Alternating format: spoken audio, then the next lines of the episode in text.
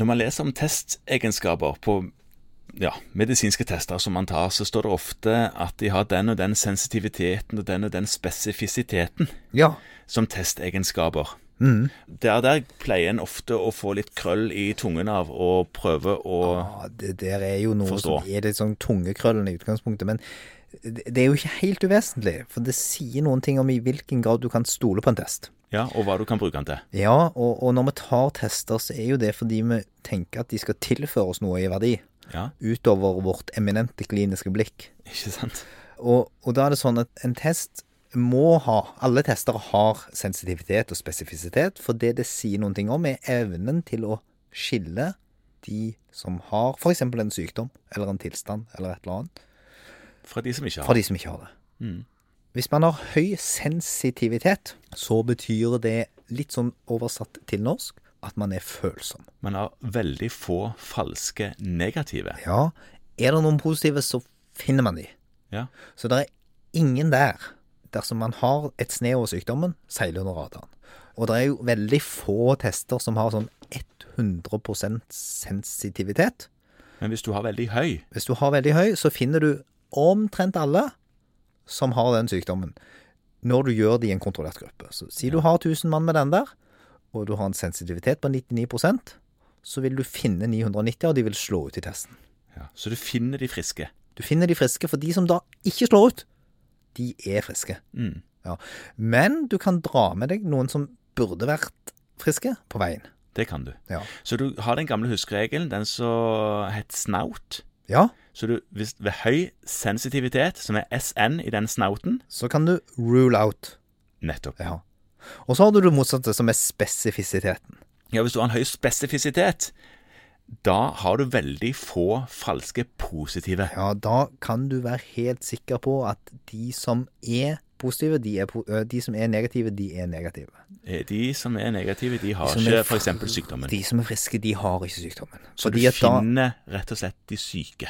ja, du finner de syke, Mm. fordi at de du sitter igjen med, er friske. Ja, Og de som er syke der i den testen, de trenger ikke være syke, men alle er de der.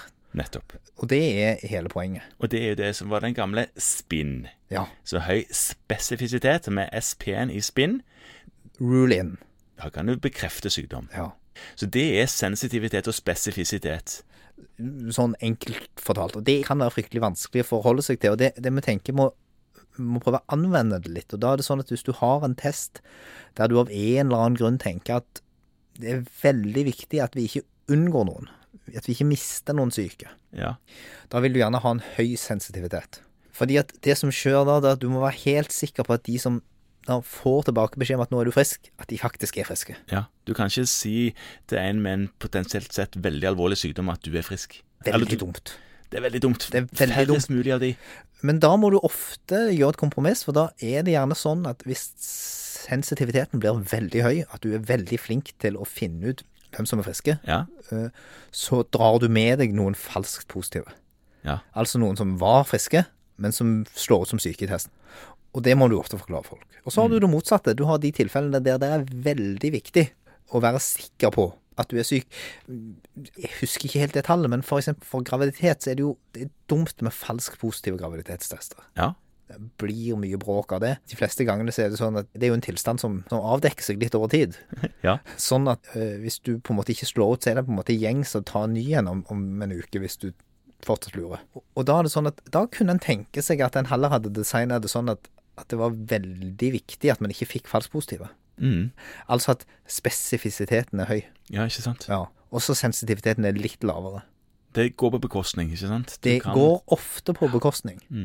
Sånn at, og det vi må bruke det til, er for å tenke sånn at når vi tar tester, når vi tar mononukleosetester og streptester og sånt i praksisen vår, Ja, HCG så er, de, ja, så er de utstyrt med en sensitivitet og en spesifisitet. Og dette gjelder jo særlig de der testene som er eh, enten-eller. For sånn skalatester, altså blodsukker og CRP og sånn, så blir det litt grann annerledes. Så for eksempelets skyld så skal vi holde oss til tester som på en måte sier pluss eller minus. Ja, Da er det interessant å vite hvor flink er denne testen ja. til å si at pasienten er enten syk eller frisk. Hvor godt kan man bevise det? Det er helt avgjørende at man har et forhold til når man bruker en test. Mm. For hvis en test har en veldig lav sensitivitet og spesifisitet.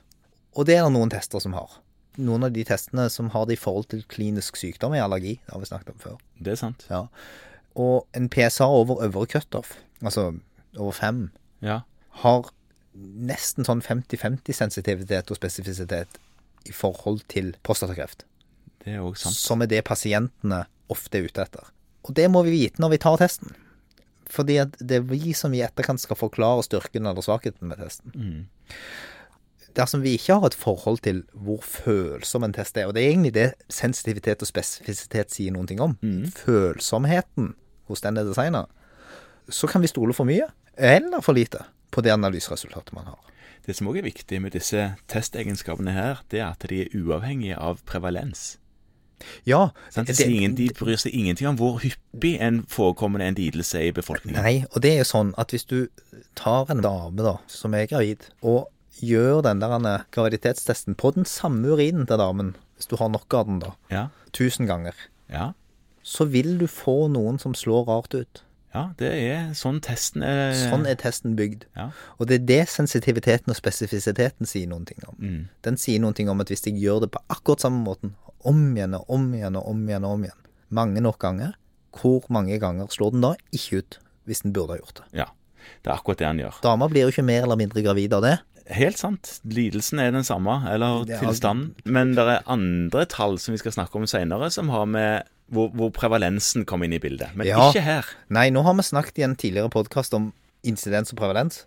Og så har vi i dag prøvd å snakke litt om spesifisitet og sensitivitet.